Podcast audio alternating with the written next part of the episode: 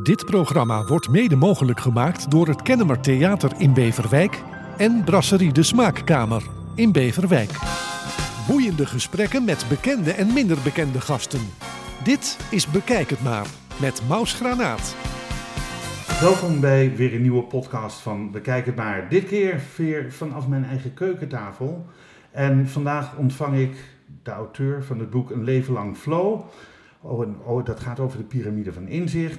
Straks wat meer uitleg hierover. En eh, hij is ook nog deeltijd Pabo-student. Maar vooral iemand die eindelijk het gevoel heeft wat bij te dragen aan een betere maatschappij. Nou, ik stel u graag voor aan eh, Evert Heijns. Welkom. Ja, dankjewel. Wat leuk dat je de moeite hebt willen nemen om, uh, om hier naartoe te komen. En naar het wijk aan Zeese wilde afreizen. Nou wonen we niet zo heel ver van elkaar, dus dat scheelt. Um, we gaan een, een podcast maken over, over ja, eigenlijk wat jou bezighoudt in het leven. Je geeft drie dagen per week les. Je runt een eigen bedrijf. Je trainde voor de trailrun van 111 kilometer. Klopt. Wandelen door de bergen. Ik denk, ja, wie gaat dat nou in godsnaam doen? Maar ja, dat doet Evert Heijns dus. En daarnaast ben je ook nog vader van twee kindjes. Hoe hou je dat vol? Ja, bezig zijn met dingen uh, waar ik energie van krijg. Dat is denk ik wel de belangrijkste. Dus van alle dingen die ik nu net opnoemde, krijg je energie. Ja, absoluut. Ja. En uh, uiteraard natuurlijk de goede balans uh, vinden. Want het is zeker met een studie... Ik zit nu in het laatste jaar van de PABO. die doe ik er naast natuurlijk als deeltijdstudent, wat je net zei. Ja, um, ja is dat wel goed de balans vinden en ook goed kijken met het gezin dat het allemaal uh, goed samenloopt. Ja. En uh, die 111 kilometer trailrun heb ik natuurlijk uh, afgelopen zomer gedaan. 3 en 4 juli was dat. En de, de trainen ja. daarvoor, dat heeft wel veel tijd ook natuurlijk in beslag genomen. Hoe lang, hoe lang doe je over die... Ja, 33 uur heb ik gelezen. Maar ja, je moet er naar Zwitserland, volgens mij was het. Ja, tuurlijk. Nee, de, de, ik ben natuurlijk naar Zwitserland gegaan op een... even kijken. Woensdagmiddag ben ik vertrokken. donderdagochtend ben ik aangekomen in, in Zwitserland.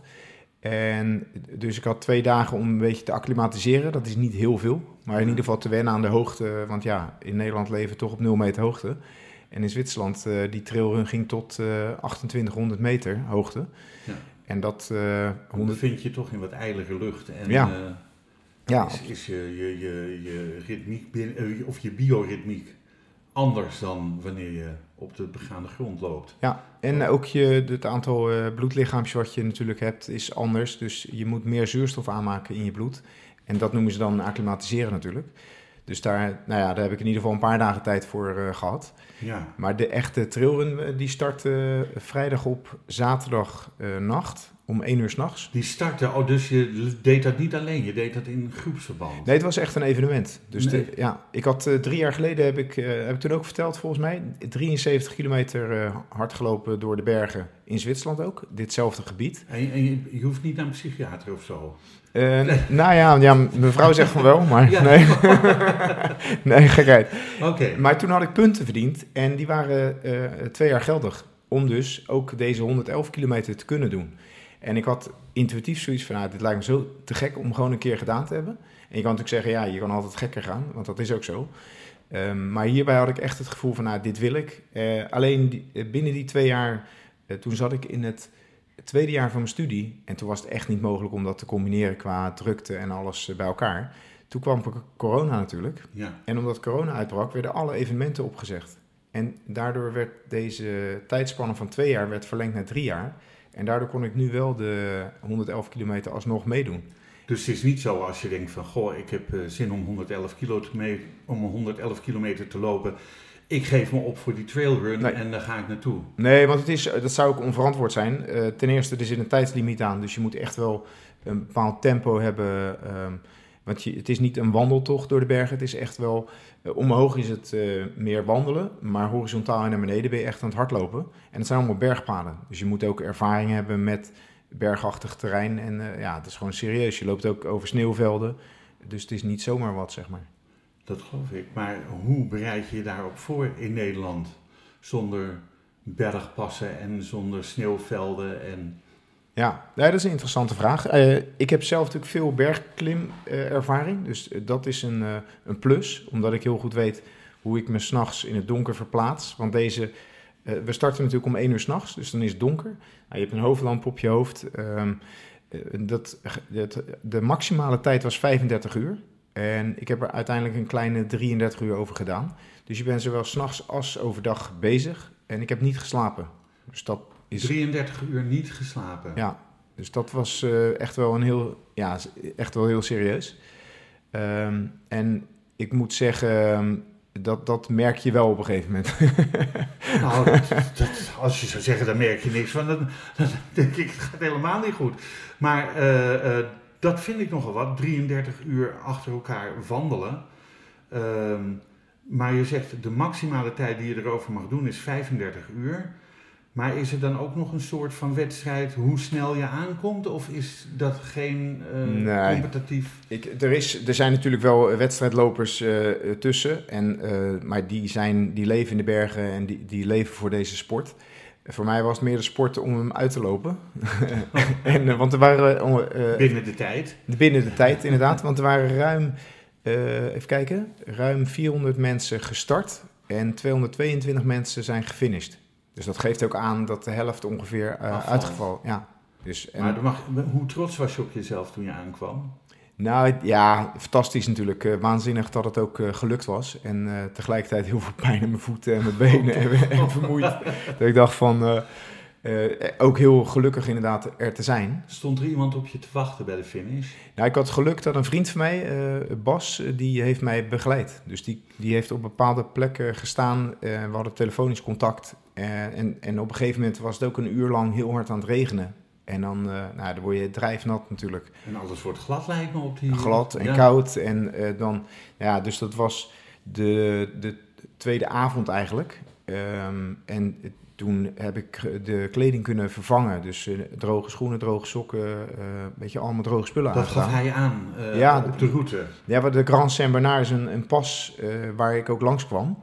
En daar stond hij dus ook te wachten op mij. En je hebt natuurlijk van die rustposten waar je kan eten en drinken. Uh, want ja, je moet op bepaalde momenten gewoon ook bij uh, tanken natuurlijk. Want je verbruikt heel veel energie en ook je verliest heel veel vocht en, en zout. Met welk doel heb je die trailrun gelopen? Nou, aan de ene kant gewoon, ik wilde ervaren van, joh, ik geloof sowieso, als mens kunnen we veel meer dan dat we vaak denken. Dat heb ik ook in mijn boek uh, beschreven. Um, maar ik had ook het doel, ik had er een goed doel aan gekoppeld. En dat was een, de bouw van een school in Afrika. Die, dat is een partnerschool, uh, wordt dat in ieder geval, van de school waar ik nu werk. En het, ik vond het super gaaf om daar een bijdrage in te leveren. Dus ik ben ook geld gaan inzamelen voor dit goede doel eigenlijk. Mag ik vragen hoeveel je hebt ingezameld? Uh, we staan nu op het saldo van uh, 5100 euro. Nou, dat vind ik nogal wat. Ja, dus dat, dat is echt wel gaaf. En hoeveel is er nodig? Of hoeveel, wat is jouw goal? Nou, we hadden, we hadden het streefbedrag als uh, 10.000 euro. Dus in die zin hebben we nog... Uh, 50% te gaan. We hebben nog 50% te gaan. ja. um, maar aan de andere kant, ja, hier kunnen we al heel veel mee. En uh, het idee is dat de directrice van de, van de school, die van verschillende scholen directeur is, haar man is Afrikaan. En uh, die, heeft dus, die is geboren in Afrika, die heeft daar een stuk grond en die heeft eigenlijk altijd als wens gehad: ik wil in mijn leven een school uh, opzetten in Afrika, zodat alle kinderen daar gebruik van kunnen maken. Want hij heeft zelf ervaren als kind dat als uh, zijn ouders een maand geen geld hadden, dan kon hij die maand niet naar school. En dat vond hij heel jammer, want hij wilde graag naar school. En hij schaamde zich er eigenlijk ook voor dat hij dan die maand niet op school was. Want ja, zijn klasgenoten wisten waarom dat was natuurlijk. Ja. En um, in Nederland is het heel normaal dat je naar school gaat. En in Afrika is het, als je ouders geen geld hebben, dan krijg je ook geen onderwijs. Maar in Afrika kun je toch met, met 5100 euro uh, misschien wel 20 keer zoveel doen als hier in Nederland? Nou, dat is natuurlijk ook gaaf. Dus ze uh, zijn ook super blij met uh, dit bedrag al.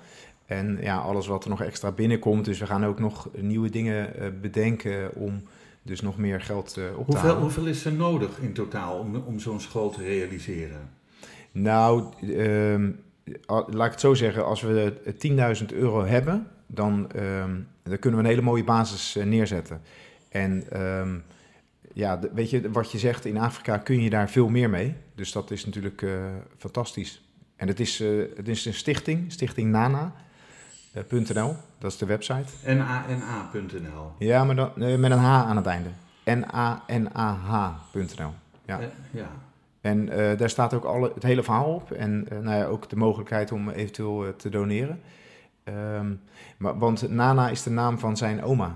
Dus uit respect voor zijn oma gaan ze de school ook eh, eh, Nana noemen. En eh, nou ja, dat, dat is natuurlijk mooi. Dat is een prachtig initiatief. Ja. En wanneer willen jullie dat gerealiseerd hebben? Nou ja, de, de basis van de school is er, eh, is al gelegd, zeg maar. Dus het fundament. En ehm, ja, in Afrika zijn ze niet zo strikt zoals in Nederland. We mo- het moet volgend jaar af zijn. Aan de andere kant, eh, door dit initiatief van mij om dit doel eraan te koppelen, is het wel in een stroomversnelling geraakt. Dus Dat is, ja, heel mooi. Ga je naar de opening? ja, lijkt me wel gaaf. het is in, eh, in Guinea, dus de westkant zeg maar, van eh, Ja. Afrika.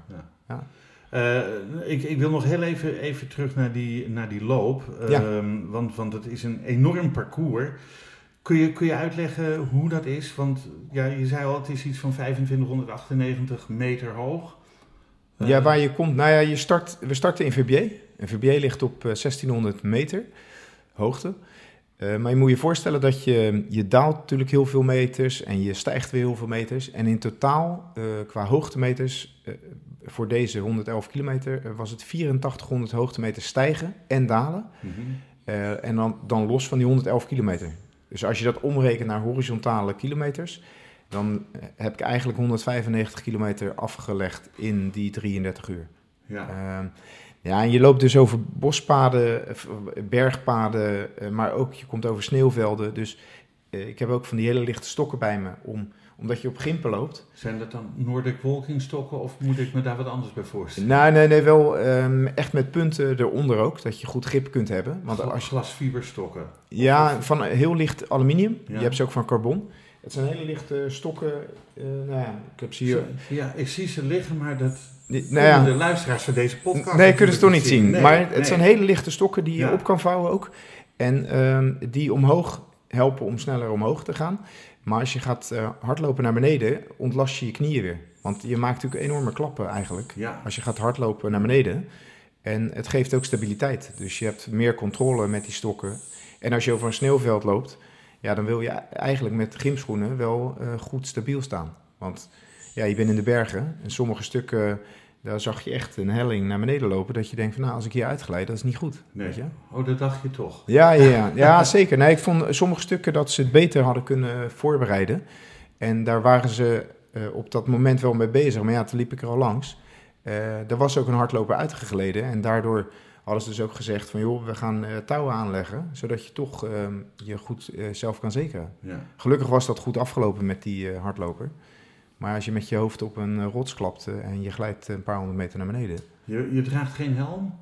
Eh, nee, wel een, een pet voor de zon. Ehm, met klimmen doe je dat wel. Maar ja, een helm met hardlopen, en, en dat is gewoon niet fijn.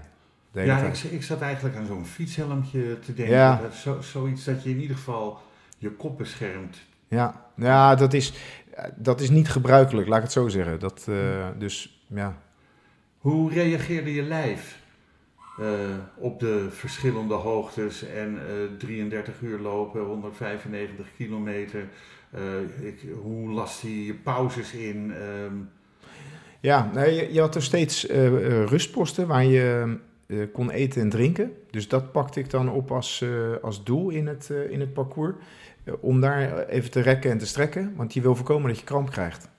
En doordat je heel veel zweet, verlies je ook veel zout. En juist als je te veel zout verliest, eh, kan de kramp in je benen slaan, in je, in je bovenbenen of in je kuiten. Dus ik heb heel veel bouillon ook eh, gegeten. Soms wel drie bakken op zo'n eh, op zo'n ruststation. En dan merkte ik ook weer dat je helemaal tot leven kwam. Maar ik had ook een klein potje zout mee, dat had ik geleerd van de vorige keer. Je hebt een rugzakje bij je met eh twee liter water en, en eh, een mengsel van cola ook en, en magnesium. een beetje zout erin. Ja, nou ja, zout de nam ik dan mee eh, om gewoon even te dippen en dan soms even dat zout in te nemen. Als, je merkte, als ik merkte dat mijn spieren gingen verstrammen, Hm. dan dat werkt als een trein. Weet je? Dus dat is een stukje ervaring wat ik opgedaan heb. Maar ja, je, toen ik de, even kijken, de tweede nacht inging, dus dat was om half elf s'avonds, Ehm, en dan ga je donker in. Toen achteraf, als ik terugkijk, had ik wel zoiets. Ik had beter even een half uurtje kunnen slapen in de auto of zo. Maar dat heb ik niet gedaan, want ik voelde me relatief goed. Dus ik dacht, ik ga door, weet je wel. Maar ehm, ja, op een gegeven moment merk je gewoon de vermoeidheid. En eh, eh, ademhaling is een, is een heel mooi middel om dan toch steeds weer die energie goed te krijgen en, en jezelf op te peppen. En natuurlijk de goede mindset. Ik bedoel, eh, er moet geen twijfel zijn in je hoofd dat je, dat je het niet gaat redden of wat dan ook, weet je. Werden de rusttijden ehm, meegeteld bij je totaaltijd van 33 uur? Ja, ja, dit is gewoon de totaaltijd. Dus uh, alles waar... Inclusief je rusten en Ja. eh, oké, Ja. goed. Ehm, ja, ik, ik vind het een enorme, eh, eh, een enorme prestatie die je hebt gedaan. Ehm, Ja, dank je. Hoe, hoe, eh, hoe heet de berg waar je, waar je het hebt gedaan? Ik kon er niet opkomen. Ik dacht, eh, zou het de Jongvrouw zijn of de K2 of... Ja, maar geen idee. Nou, in, in Verbier, dat is een bekend skioord in Zwitserland. Daar was de start en daar was ook de finish. Dus je loopt eigenlijk een hele ronde en je komt over allemaal verschillende passen heen. Dus het is niet zozeer dat je bepaalde bergen beklommen hebt, maar eh, je komt wel langs verschillende eh, trajecten. Dus ook de Grand Saint-Bernard is bijvoorbeeld een, een bergpas. Eh, nou ja, ik, ik heb hier trouwens een heel overzichtje van verschillende ehm, eh, plaatsen, ook waar je komt inderdaad. Ehm, La Folie is een plaatsje is waar je je... eigen, je eigen nummer. Ja, je was ja. 459. Ja, dat is het startnummer inderdaad. Ja. Jouw startnummer, Ja. En dan heb je de Catonje is bijvoorbeeld een berg van 2598 meter. De Fenêtre 2695. Maar het laagste punt was bijvoorbeeld, eh eh daar zat je op 600, eh, 714 meter. Dus, en maar ja, vanaf 714 meter weer terug naar 2600 meter hoogte. Ja. Dat is een flink stuk eh, stijgen weer, weet je wel. En zo Ja, ging dat op en neer de hele tijd. Nou, ik, eh, ik vind het fantastisch. Ehm, het doel is bekend. Nana, N-A-N-A-H. Stichting Nana. Stichtingnana.nl. En als mensen naar die website gaan, kunnen ze zien eh, wat de bedoeling is van deze run. Eh, en wat de bedoeling is voor het ophalen van het geld. Ja. Staat dat er ook in beschreven op die website dat je dit hebt gedaan? Ja, ik heb ook filmpjes erop staan, dus eh, waarin ik aangeef van joh, want ik heb natuurlijk eh, vier maanden lang heb ik ervoor getraind. Ja. En ehm, eh, wat ik ook heel bewust gedaan heb, ik heb vier maanden lang geen geraffineerde suiker gegeten, geen vlees, geen vis en geen alcohol. Puur omdat ik ook heel veel vroeg van mijn lichaam qua training. En ik had zoiets, eh, ik wist van bepaalde documentaires op Netflix dat je bloedwaardes veel beter zijn. En dat je als je vegetarisch eet, dat je veel sneller herstelt. En dat is ook een, wel een geheim geweest van eh, dit mogelijk eh, te kunnen maken. Onder andere dit. En neusademhaling, die heb ik heel bewust toegepast. Ehm, Door je neus in en uit Ja. ademen. ja, dus de hele tijd gedurende de run, maar ik heb daar ook op getraind natuurlijk, dat je op neusademhaling eh, aan het hardlopen bent en je past dus je tempo aan, zodat je kan blijven ademen door je neus, in en uit. Nou, ik, ik, ik vind het nogmaals heel wat, eh Evert, wat je hebt gedaan. Ehm, wat heeft, eh, in, nou ja, in wat voor opzicht heeft deze ervaring je leven veranderd? Nou, het, het is ehm, te gek om gewoon te ervaren dat dit mogelijk is. Ehm, de koppeling met dit goede doel vond ik heel tof, want ik heb ook... Ik sta inmiddels ook drie dagen voor de klas. eh, twee dagen voor groep 5 en één dag eh, bij groep 7. eh, op de Daltonschool eh, in Meidrecht, de Windroos. En ik heb eigenlijk de kinderen van groep 1 tot en met 8 eh, laten zien van... Joh, wat ga ik doen en wat zijn we in Afrika aan het doen en waarvoor halen we dan geld op? Dus ik heb ook de kinderen erin meegenomen met verschillende lessen die ik gegeven heb. Ook een VR-les bijvoorbeeld, met een VR-bril. Om ze eh, de beleving te geven, joh, hier ga ik hardlopen in de bergen. En dan konden ze vanuit die VR-bril zien hoe die omgeving eruit zag. En, Oh, zo- heb je dus- die bij je ook, die VR-bril? nee, dat niet. Ik had hem Die heb je niet even voor me meegenomen? Nee, dat jij het ook even kon even zien. kon ervaren. dat is dan weer jammer. Ja, Ehm, in 2016 kwam jouw boek Een leven lang flow uit. Ja. En daarin eh, leg je onder andere uit wat de piramide van inzicht is. En eh, om meer met je leven te kunnen op een gezonde manier. ja. Zeg ik het zo een beetje goed? Ja, nou, het gaat, eh, hoe kun je de flow in je leven beïnvloeden? Ja. Ehm, inmiddels ben ik er echt van overtuigd dat flow onze natuurlijke staat van zijn is. Uh, dus flow betekent ook dat dingen makkelijk gaan, dat je helemaal in het moment bent en dat je ja, optimaal met je gezondheid ook omgaat. maar door ja, alle afleidingen en omdat we er niet goed mee leren omgaan, raken we eigenlijk een beetje de, het contact met onze natuurlijke basis kwijt, zeg maar. En daar heb ik dus een boek over geschreven, Een leven lang flow. En de piramide van inzicht is daar een leidraad in. Ja, je hebt hier een, een soort van piramide staan. Maar kun je daar even iets van vertellen, zodat het min of meer via deze podcast gevisualiseerd wordt voor de mensen die hier naar luisteren? Ja, dat is een uitdaging. De, de, de, basis is, ik ben 100% verantwoordelijk voor mijn eigen ervaringen. Dus het gaat er niet om dat je verantwoordelijk bent voor wat je overkomt in het leven, maar wel hoe je je verhoudt tot de ervaring die je hebt. Dus als je stress ervaart of emoties of verdriet, Ehm, je hebt altijd de keuze of je in de verantwoordelijke rol stapt uh, of in de slachtofferrol. Dus je kan denken in mogelijkheden of denken in problemen. En dat is natuurlijk een essentieel verschil in hoe je je voelt en uh, de, de, mogelijkheden die zich ook aandienen. Uh, de top van de piramide is dat je um, is aandacht, oordeelvrije aandacht. Uh, en ook wel de natuurwet waar je aandacht aan besteedt groeit. Dus als ik vanuit oordeelvrije aandacht kijk naar mezelf, maar ook naar andere mensen, dus eigenlijk de houding, het is zoals het is. Dan zul je merken dat, je, dat dingen ook makkelijker gaan lopen. Dat de communicatie makkelijker gaat verlopen. Maar ook dat je Bedoel je dat met innerlijke vrijheid? Ja, ja maar dat is inderdaad ook de, de, het vlaggetje wat bovenaan staat, ja, eh, de piramide. En daarmee uh, kom je dus steeds meer tot innerlijke vrijheid. En uiteraard snap ik dat we heel erg gewend zijn aan oordelen of iets als goed of slecht uh, neer te zetten. Dus dat is eigenlijk weer afleren om meer het kind in ons ja, omhoog te halen.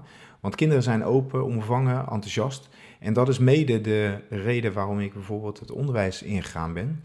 Uh, in combinatie met mijn eigen bedrijf. Omdat uh, kinderen hier nog relatief dichtbij staan. En ik vind ze juist. Ik vind het mooi om dat hele flow-verhaal mee te kunnen geven aan kinderen. Zodat ze echt een basis hebben voor de rest van hun leven. En, en ja. ik zal hem even kort afmaken als je het goed vindt. Ja, heel, graag. uh, en vanuit aandacht kun je dus, ik heb vier hoekpunten eigenlijk. Vanuit aandacht kun je bezig zijn met mindset, met beweging, uh, voeding en ademhaling. En alles bij elkaar, zou je kunnen zeggen, is erop gericht om je energieniveau omhoog te brengen. En om vanuit eenheidsbewustzijn in het leven te gaan staan. In plaats van uit uh, ja, polariteitsbewustzijn, weet je of Vanuit denken dat iets goed of slecht is. En dat, dat levert energie op. Dat, dat, dat maakt je blij en, en ja, dat is goed voor je gezondheid. Is het een bestseller geworden, je, broek, je boek? Uh, Want daar gingen we wel vanuit, toch? Daar gingen we wel vanuit. Nou ja, bestseller niet zozeer qua aantallen, uh, maar hij is wel heel best uh, verkocht. Ja. En, en, nog steeds. en ik vind het ontzettend waardevol dat er heel veel mensen ook veel aan hebben. Dus ja, dus krijg, je, krijg je van mensen reacties uh, uh, op je boek? Ja. Mailen mensen je of uh, van, oh, goh, ik, ik, heb hier echt wat aan gehad. Want ik denk, ja, als het maar een paar mensen zijn die dat doen, dat zou mij al voldoening geven dat ik denk, oh, dan heb ik het niet voor niks gedaan. Nou, sowieso. Ik, ik geef natuurlijk veel training ook, ook in het bedrijfsleven. Ik geef lezingen en één op één begeleid ik mensen. Maar ook de mensen die het boek gekocht hebben, recensies die ze schrijven erover, is dat ze veel praktische tools hebben gekregen om het ook toe te passen. Want dat vind ik heel belangrijk. Hoe kun je het direct toepassen zonder dat het zweverig uh, wordt, zeg maar. Ja. En dat je er in directe uh, dagelijks leven ook echt wat aan hebt. En nee, daar krijg ik dus inderdaad veel positieve reacties over. Leuk. Ben je bezig met een ander boek? Uh, ook dat nog. Ook dat? Ja. Kun je daar wat over vertellen? Ja, dat is wel ook weer grappig. Ik ben een andere Evert uh, tegengekomen in de bergen. Oh. Evert Blankenstein. Oh, echt, echt een andere Evert? Echt een andere Evert. Oh, ik dacht, misschien kwam je jezelf op een andere Evert ja. Dat kan ook. ja, nou, dat, uh, nee, in dit geval niet. Het was grappig, we waren aan tourskiën een paar jaar geleden. En toen kwam ik dus Evert Blankenstein tegen. En hij was ook met een groep aan het tourskiën. Dus dan, dan verplaats je op skis met vellen eronder omhoog. En dan kan je omhoog lopen over de sneeuw. En dan, uh, als je boven aangekomen bent, dan hou je die vellen eronder uit en dan kun je skiën naar beneden. Dus dan verplaats je je in de bergen eigenlijk, zelfstandig, zonder dat je een lift uh, nodig hebt. Maar dus wij kwamen in gesprek en we hadden uh, ook een enthousiaste vent. En ik zeg, joh, wat doe jij? En ik ben trainer. En wat is dan je, je specialisme? En hij was heel erg bezig met stress. Stress gerelateerd om mensen dus bewust te maken wat stress met je doet. Te veel stress eigenlijk. En hoe, dat dus, uh, hoe je dat anders kan uh, uh, ja, gebruiken en, en daar anders mee om kan gaan, waardoor je meer met je gezondheid bezig bent. En dat doet hij in, in het bedrijfsleven. En eigenlijk zijn we in contact gebleven met elkaar en hebben we gezegd, joh, als we nou een boek gaan schrijven van 100 pagina's maximaal, doe jij de 50, de eerste 50 doet hij over het onderwerp stress. En de tweede helft doe ik over het onderwerp flow. Dus eigenlijk een soort beweging dat je die stress bewust dus wordt. we gaan het combineren met elkaar. Ja, dus een, okay. een gezamenlijk boek. En dan uh, het idee is... Uh, een soort Nicky French in de 2.0 versie, zeg maar. Ja, nee, die, uh, hij komt volgend jaar uit, oktober volgend jaar. Dus we hebben gezegd, want ik heb nu mijn studie te afstuderen. Dat is in juni volgend jaar. Ja. Dus ik dacht, ja, ik ga niet alles samen laten lopen, want dan maak ik mezelf gek. Ja. en mijn gezin ook. dus, Worden die al een beetje gek of niet? Nou, is, ze zijn volgens mij nog steeds gek op mij, dus uh, dat is de goede variant uh, dan. Um, maar dus we zijn daar samen mee bezig. En ook dus aan de ene kant, wat doet stress met je qua negatieve eigenschappen? Maar een gezonde mate van stress hebben we weer nodig om in flow te komen. Ja. En dus daar zijn we samen nu een boek over aan het schrijven. En uh, ja, dat, wow, leuk. Ja, dat is onze ja. nieuwe uitdaging. Voor hem ook een uitdaging? Hm? Ja? Ja, zeker. Want hij is inmiddels um, gepensioneerd zelfs. Dus, uh, maar nog wel ook actief binnen het bedrijfsleven. Uh, het is wel leuk, dus eigenlijk een soort twee verschillende generaties. En samen uh, toch nog iets moois ook neerzetten, juist in deze tijd van corona, waarin gezondheid natuurlijk ook een extra uitdagend iets is. Ja. mensen ook bewust worden hoe belangrijk het is dat je eigenlijk, je kan beter preventief bezig zijn met je gezondheid dan het op te lossen, zeg maar, achteraf. Curatief, ja. Ja. Um, ik heb gelezen dat, dat het gezin waar jij uit afkomstig bent geen gezin was waar het uiten van en delen van emoties tot de opvoeding behoorde. Heb ik dat goed uh, zo begrepen? Ja, nee, natuurlijk waren er zeker wel emoties en dergelijke, maar niet dat we heel bewust hebben geleerd hoe we daarmee om uh, konden gaan. Dus ik heb ik heb vanuit, weet je, ik heb een fijne jeugd gehad, maar ook mijn weerstanden ben ik tegengekomen. En ik was een vrij, of ik ben een gevoelig mens. maar ik, ik wist niet zo goed hoe ik met die emoties en met mijn gedachten enzovoorts goed om kon gaan. Dat is iets wat thuis niet aan de orde was.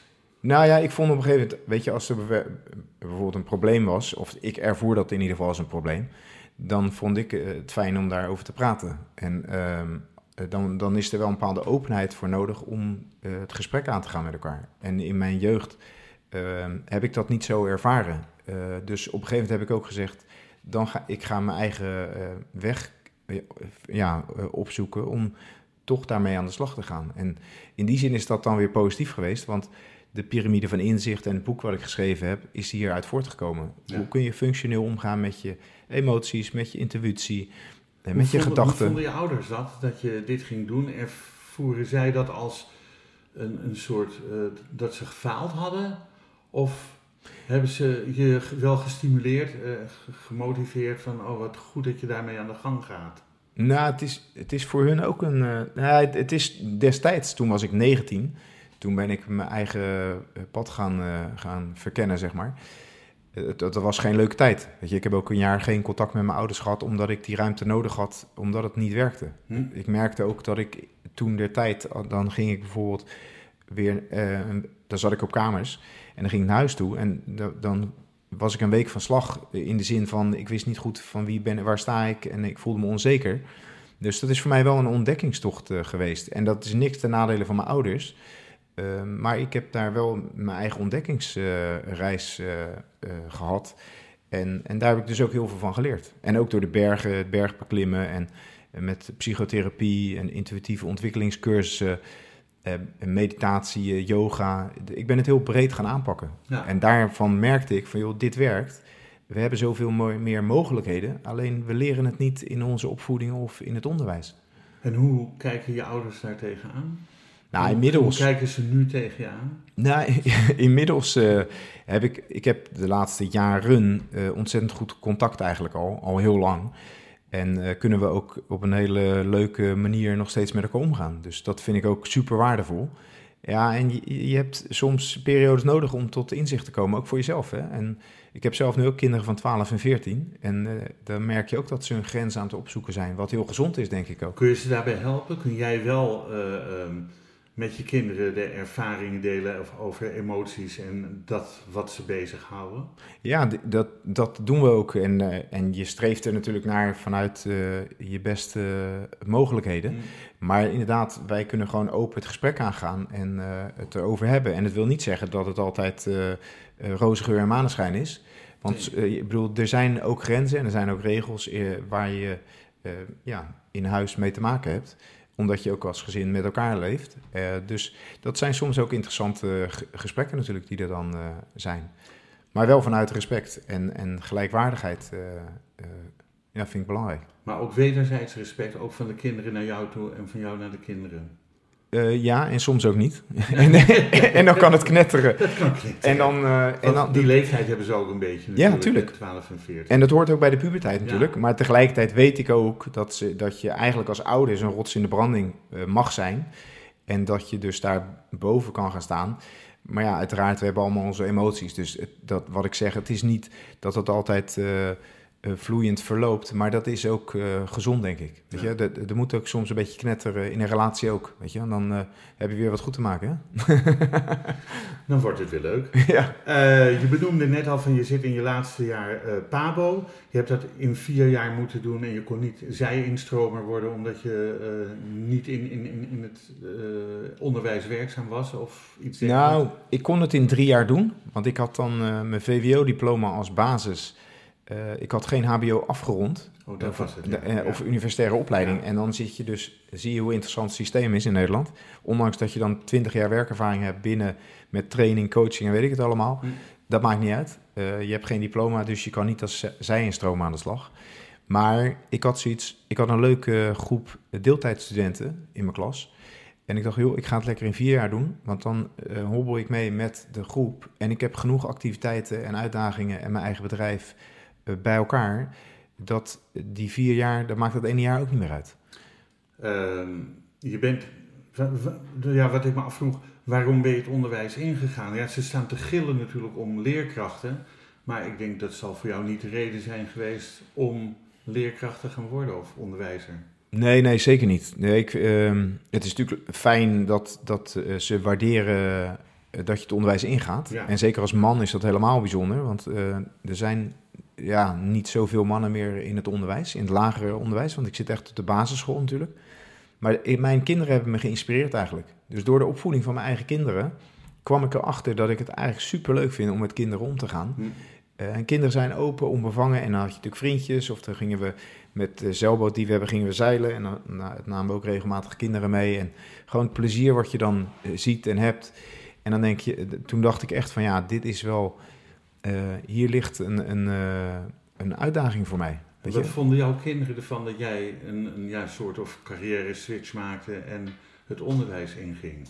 Ja, de, de, eigenlijk uh, heel goed. Maar en ik doe natuurlijk een combinatie. Heb je gezegd dat, dat zij jouw inspiratie waren? Ja, dat zeg ik regelmatig. Oh, okay. ja, ja. ja, ja. En dat is ook wel natuurlijk weer mooi dat, dat, dat ik dat zo kan benoemen. Ja. En dat is een positieve, positief argument, toch? Ja.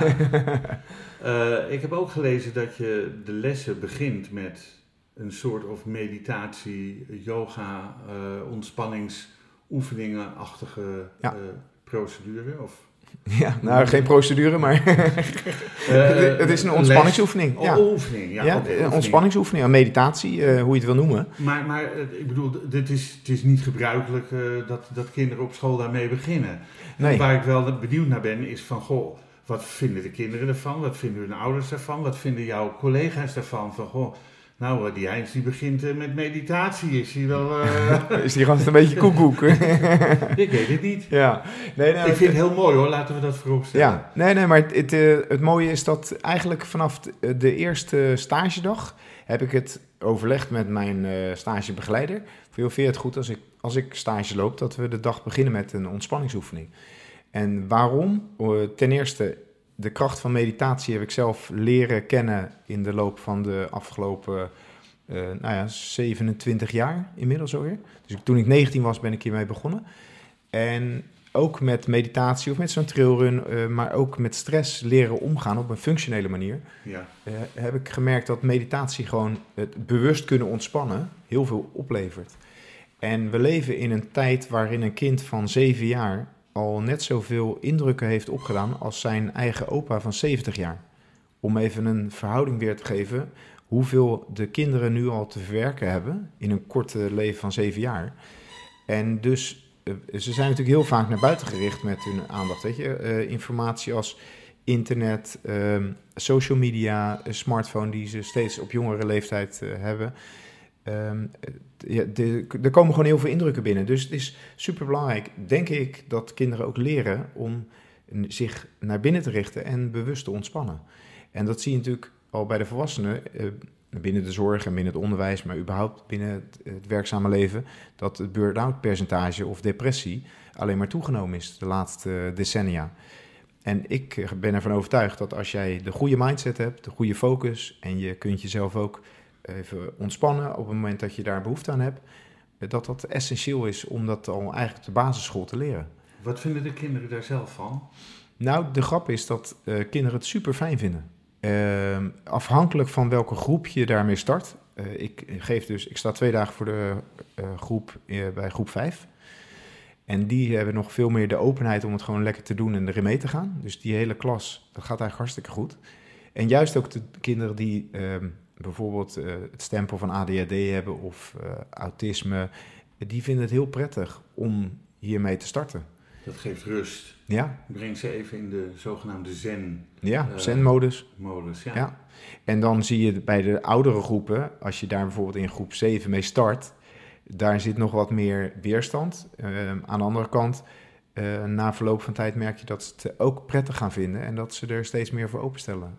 Hoor je reacties van ouders die zeggen van, goh man, wat fijn, want mijn kind was zo een, soort stuiterbal altijd als ze thuis waren. En nu uh, vinden ze wat meer rust of uh, wat meer regelmaat of whatever. Nou, ik, uh, sowieso positieve reacties van ouders. dat ze het fijn vinden dat ik het doe.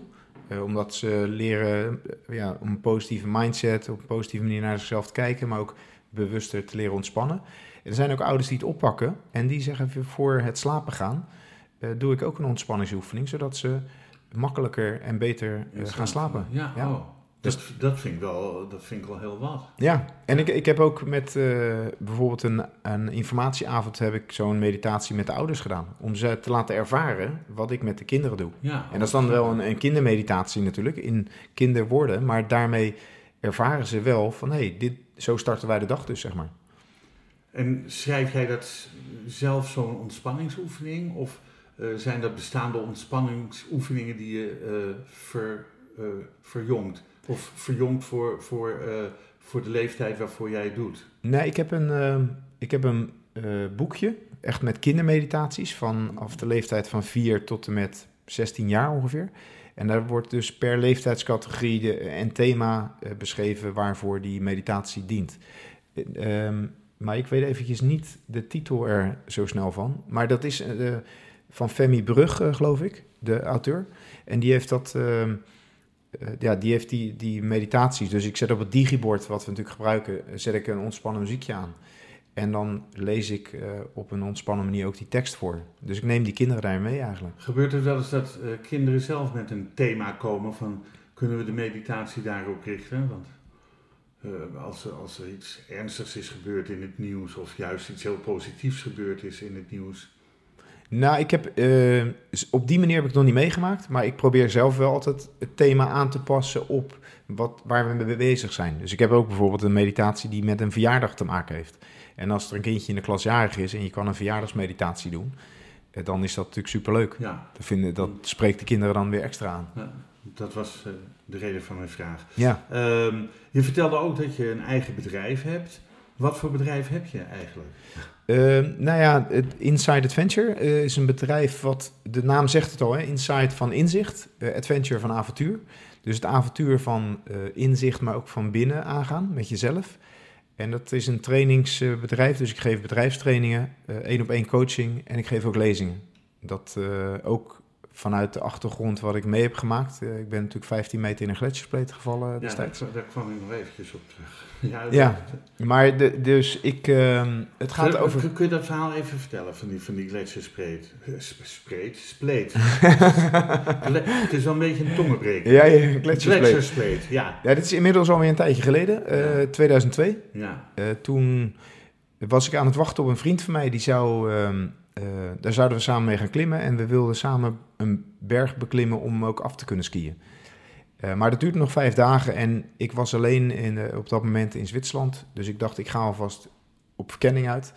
En die noordwand van 500 meter eh, en 50 graden stel ongeveer, 45 graden tot 50 graden stel. Die, ehm, dat is allemaal ijs natuurlijk, sneeuw en ijs. Ik dacht, als ik nou 100 meter erin klim en dat gedeelte afski, dan kan ik alvast een eerste indruk opdoen. Eh, dus dat ben ik gaan doen, maar wel met het risico natuurlijk. Alleen in de bergen is toch eh, risicovoller natuurlijk. Het weer was goed voorspeld, dus dat was positief. Maar ik ben dus naar de hut gelopen op 3400 meter hoogte. En eh, van daaruit ben ik s'nachts om half drie op pad gegaan. En toen ik om zes uur onderaan die wand stond op de gletsjer, dan moet je eigenlijk nog een, een randspleet over. Dus dat is een spleet die onderaan die noordwand is, voordat je in die wand eh, komt. Dus ik stond daar met twee ijsbijlen in mijn handen, eh, waarmee je grip in het ijs kan eh, krijgen. En ik had stijgijzers onder mijn skischoenen. Dat zijn van die punten waarmee je in het ijs omhoog kan klimmen. Dus ik, ik, ik wil eigenlijk de stap maken om over die eh, spleet Spleet. heen te klimmen. Ja. Ja. En ineens klapte de grond onder mijn voeten weg. En toen viel ik dus eh 15 meter omlaag. Maar het was een soort sinkhole in de bergen of zo. Nou ja, wat, wat je van bovenaf niet kunt zien, eh, is dat er soms een overhangende windlip noemen ze dat. Een, een sneeuwluifel. Ja, maar die, vanaf boven zie je dat niet. Maar dat betekent dus als die sneeuw eh, overhangend is en jij staat er net eh, bovenop, ja, dan kan die je houden, maar het kan ook net niet. En, en dat net niet heb ik meegemaakt. Dus dat is een, zeg maar een, een, een stukje grond wat geen ondergrond heeft. Ja, inderdaad. Als je het... eh, En als Oh, dat ja. dus niet, eh, net niet sterk genoeg is, nou ja, ik viel dus eh 15 meter naar beneden. Ik had mijn skis op mijn rugzak gebonden verticaal. Die hebben wel mijn val gebroken, dus daar heb ik nog geluk aan gehad. Maar ja, ik, ik kwam terecht op een sneeuwbrug, dus daar heb ik heel veel geluk aan gehad. En die sneeuwbrug heeft mijn leven gered, want die spleet die was misschien wel 50 meter diep, of nog dieper. En eh, nou ja, 15 Hoe meter... heb je contact met de buitenwereld gekregen eh, om, om, om jou daaruit te halen? Of ben je er zelf uitgekomen? Nou ja, het punt was dat mijn telefoon had ik wel bij me in de tijd. Maar eh, als jij 15 meter in een gletsjer ligt, in een berg eigenlijk, dan heb je geen contact. Nee. Dus ik, ik had bloed aan mijn oog, want mijn zonnebril was langs mijn oog gegaan. Dus dat bloedde flink. En ik had pijn aan mijn borst, mijn borstkas, omdat ik plat neergekomen was. Ja, en in eerste instantie vervloekte ik mezelf van wat er gebeurd was. Eh, en wilde ik me vastzetten met een ijsboor en een, eh, ik had een klimgordel aan. En dat, dat ik gewoon vast aan de ijswand stond, zeg maar. Maar eh, tegelijkertijd dacht ik, ja, dat kan ik doen, maar dan blijf ik hier staan. En dat gaat, dan, niemand gaat mij hier vinden, zeg maar. Dus ik ben zelf een weg omhoog gaan, gaan klimmen en, en zoeken. Dus ik heb het echt op eigen kracht ben ik eruit gekomen. Een bizar verhaal. Ja, Ja. Ja, dat is het zeker. En ook eh, eh, ja, een bizarre ervaring, maar waarin ik wel de piramide van inzicht ik, ook ik weer zeggen, wat toegepast is heb. jouw inzicht geweest Ja. eh, toen je dit ervaren had? Want Ja, ja ik, ik heb er ruim twee uur over gedaan om überhaupt uit die gletsjerspleet te klimmen. En mijn inzicht, mijn les is geweest dat we als mens echt tot veel meer in staat zijn dan dat we vaak denken. Ik heb er natuurlijk ook mijn lessen van geleerd. Want ik heb vanaf toen ook besloten dat ik nooit meer alleen de bergen in zou gaan. Eh, althans niet een gletsjer opgaan. Eh, en belangrijker nog, eh, luister naar je intuïtie. Want ik had de dag ervoor dat ik naar de hut aan het lopen was al een voorgevoel de hele dag dat het niet klopte, dat het niet oké was. wat vinden je vrouw en kinderen van jouw activiteiten? Ja, dit was dan denk ik voordat je ze had, want je spreekt Ja. over 2002, In 2002, dus, ja, dus dat is 19 jaar geleden. dat was het eerste jaar dat ik mijn huidige vrouw leerde kennen. Ja. Of, we hadden toen een relatie. Dus ik belde haar vanuit de telefooncel nog destijds. Dat was wel mooi, hè? dat, kunnen we tegenwoordig Wat niet meer zeggen. Ja, ja, dat is mooi. En eh, ik belde haar, ja, en zij was in tranen. En eh zei, je moet me één ding beloven. eh, dat je wil blijven klimmen, prima. maar ik wil niet meer dat je Oh, alleen op pad gaat. En dat beaamde ik natuurlijk ook. Ehm, maar weet je, ik neem het, avontuur, vinden mijn kinderen en mijn vrouw ook leuk, eh, tot op zekere hoogte. Maar die jongens vinden het skiën en het, en het klimmen met elkaar vinden ze ook mooi, weet je. Dus Ja. ehm, Heb je ze wel eens meegenomen op een dergelijke tocht? nou, wel met eh, in de bergen hebben we een huttentocht eh, gemaakt. of klimmen op de rotsen en in de bergen dan. Maar ook op een klimhal.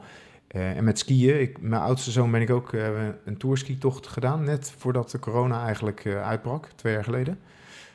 En ja, dus dat was super gaaf om te doen natuurlijk. Hmm. Dat je dat als vader-zoon met elkaar kan ondernemen. Mooi. En Heeft jouw vader nooit gedaan natuurlijk met je? Nee, maar mijn vader heeft het wel, is wel de reden geweest dat ik dit ben gaan doen. Want die heeft altijd gezegd, hij zegt, één ding moet je in je leven gedaan hebben. Ga een keer een huttentocht doen. Of een, een bergsportcursus. Oh, wat grappig. Ja, Ja. want hij had zelf last van hoogtevrees. En toen op zijn, ik geloof 21ste of zo, is hij eens een tiendaagse huttentocht gaan maken. En dat had zoveel indruk gemaakt bij hem, dat hij zei, joh... eh, hij, voor hem was het één keer nooit meer, in die zin. Maar hij zegt, dat, dat is wel gaaf om gewoon een keer gedaan te hebben. Ja. En eh, daar heeft hij nu nog spijt van, dat hij dat gezegd heeft. Nee, nee, gekke, gekkigheid. ja, je hebt natuurlijk net iets meer gedaan dan die huttentocht. Ja, Ehm, nu je een half jaar zelf op de basisschool eh, rondloopt, ehm, merk je hoe het is, hoe bijzonder het is om met kinderen te werken. Ze zijn oprecht, ze zijn enthousiast, dat benoemde je al. Ja. Eh, leer jij wat van de kinderen? ja, ja zeker ook. En ik, eh, ik moet zeggen, toen ik mijn propeduizen had gehaald, eh, toen ben ik al als ZZP'er aan de slag gegaan. Dus dat is inmiddels al ruim, ja, zeg maar twee jaar geleden. Mhm. En sinds vorig jaar augustus ben ik voor drie dagen dus in dienst eigenlijk. Ehm, In Meidrecht. in Meidrecht. Dus ik heb vorig jaar al een heel jaar voor groep 5 gestaan, twee dagen per week. En één dag eh, voor groep 7. En ik, ja, leer je wat, uiteraard leer je ook wat van de kinderen. De kinderen zijn natuurlijk ook spiegels. Dus eh, eh, dat is ook reflectie naar jezelf toe. eh, hoe je, het is altijd zoeken, vind ik, hoe je de goede ingang bij een kind vindt. En dat is natuurlijk eh, dat is geen standaard werkwijze. Dus, maar dat, eh, als je enthousiast bent en je bent oprecht geïnteresseerd in kinderen, eh, dan eh, vind je die ingang. En, en dat is mooi. Nou, dat is zeker mooi. Ik heb een stukje gelezen van In Holland. Daar staat een stuk over jou, Ja. in ieder geval op internet. En daar zeg je, ik draag nu iets bij aan een, om een betere maatschappij, aan een betere maatschappij. En dat voel ik ook echt. Het is, het, het is niet de best betaalde baan, zeg je in het stuk dat eh, in Holland is gepubliceerd. En ja, waarom kies je er dan voor, denk ik? Waar is, is geld minder belangrijk dan, eh, dan het geluk wat je ervaart door te werken met kinderen en die wat bij te brengen? Nou ja, dat vind ik dus heel interessant. Want ik, ehm, ik ben heel erg tevreden hoor met het salaris wat ik verdien, zeg maar. Ik heb er gewoon een goede basis aan. En ik combineer het natuurlijk met mijn eigen bedrijf, waardoor ik daar ook eh, inkomsten mee genereer. Maar het geluk en de, eh, wat je aan enthousiasme en dankbaarheid terugkrijgt van die kinderen, ja, dat is onbetaalbaar. En dat beseffen denk ik heel veel mensen niet. Dat eh, je werk is zo belangrijk. Als je iets doet waar je energie van krijgt, waar je blij van wordt, waar je hart sneller van gaat kloppen, dat is goud waard. En dan kun je zeggen van ja, qua salaris krijg ik misschien minder betaald dan dat ik eh, directeur van een groot bedrijf ben. Aan de andere kant, als ik eh, voel en zie wat dit voor mijn gezondheid doet en ook het, eh, hoe waardevol ik dit vind, ja, dat, eh, dat is voor mij echt het meest belangrijke. Wat voor advies zou je willen geven aan mensen die op dit moment worstelen met hun eigen ontwikkeling en zich nog niet kunnen vinden in hun zoektocht? Nou, ten eerste durf de vraag te stellen: ehm, waar krijg ik energie van? En ga bij wijze van spreken ook eens een top 10 eh, opstellen van aspecten waar je blij van wordt. Want je leert, leren luisteren naar je hart en, en waar je hart sneller van gaat kloppen, dat is denk ik het meest essentiële. Dat je dat. En dat je die vraag durft te stellen en eh, zie het ook als een avontuur om daar naar op zoek te gaan. Waar krijg ik energie van en wat kost me energie? En en dus steeds meer dingen te gaan doen waar je energie van krijgt. eh, wat voor de lange termijn dus ook goed is voor je gezondheid. Of op het korte termijn natuurlijk ook. Maar... Heeft u een website, meneer Heens? Jazeker. Eh nou ja, van het boek natuurlijk een leven lang flow.nu. Ja. En van mijn eh, bedrijf Inside Adventure, eh, misschien de makkelijkste titel is enjoythemoment.nu.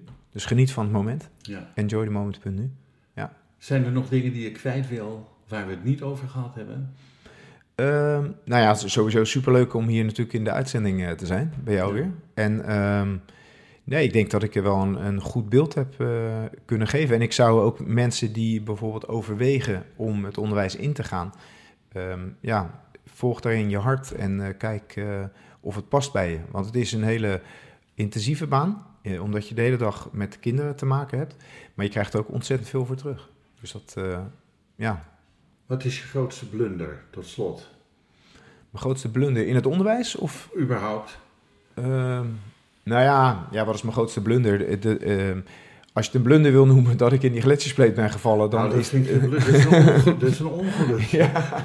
ja, maar aan de andere kant ook eh, eigenwijs eh, natuurlijk dat ik dat gedaan heb. En, eh, maar ook een enorme leerschool geweest. Ja. Dus ik zou ehm, ja, willen zeggen van joh, ehm, durf op je gezicht te gaan en durf fouten te maken. Want ik zie dat ook bij kinderen. Eh, durf een blunder te maken bij wijze van spreken. Want daar leer je alleen maar daar van. kun je van leren, inderdaad. Ja. Als je mits je je ervoor opstelt, natuurlijk. Dan wil ik je bedanken voor je komst naar eh, Wijk aan Zee. En ik wil je alle geluk toewensen voor de toekomst. En beloof me dat als je nieuwe boek uit is van, eh, van een leeflang flow in samenwerking met eh Even Stress, Blankstein. Ja, stress. eh, dat ik jullie hier samen ontvang en dat we met z'n drieën weer een mooie podcast zullen maken. Ah, dat vind ik te gek. Die, eh, die houden we inderdaad houden we erin. Heel mooi. Nou, deze podcast wordt uitgegeven door de Vrijstaat Roots. Alles is na te lezen op www.bekijkhetmaar.com. Bedankt voor het luisteren en wat mij betreft heel graag tot de volgende podcast. Dit programma werd mede mogelijk gemaakt door het Kennemer Theater in Beverwijk en Brasserie de Smaakkamer in Beverwijk.